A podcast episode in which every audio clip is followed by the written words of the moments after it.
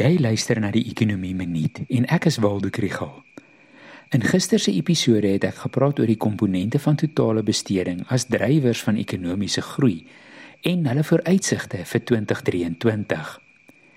Dit is dalk meer sikliese dele van groei en daar is meer fundamentele drywers om in ag te neem. Groei kan in spesifieke sektore plaasvind. Infrastruktuur en menslike kapitaal is drywers van groei en sogenaamde instellings en governance maak saak. Hier is die voorspelling moeiliker om te pyl. Hierdie jaar is gewys dat die Suid-Afrikaanse ekonomie kan presteer as ons mededingende voordeel gebruik word. Ons het 'n sterk landbousektor en is steeds goed daarmee om te myn en minerale uit te voer.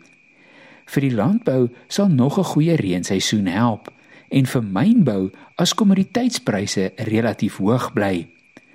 Ongelukkig staar albei hierdie sektore ook beduidende uitdagings in die gesig.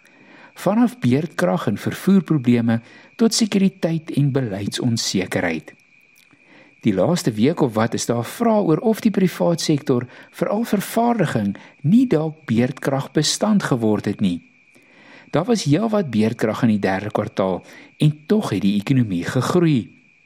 Maar iemand soos Hugo Pinaar van die Buro vir Ekonomiese Onderzoek sê dit is nog te vinnig om so gevolgtrekking te maak.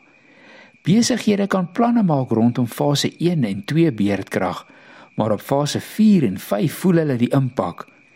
Die 4de kwartaal se BBP syfers sal 'n beter aanduiding gee. Die mislukking van dienslewering en agteruitgang van infrastruktuur is 'n demper op groei vooruitsigte vir volgende jaar.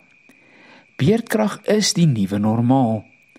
Dit voel so half of die probleme by Transnet hierdie jaar aan die lig gekom het, maar elke ekstra vragmotor op die pad spreek eintlik al jare lank van die agteruitgang van die spoorweë.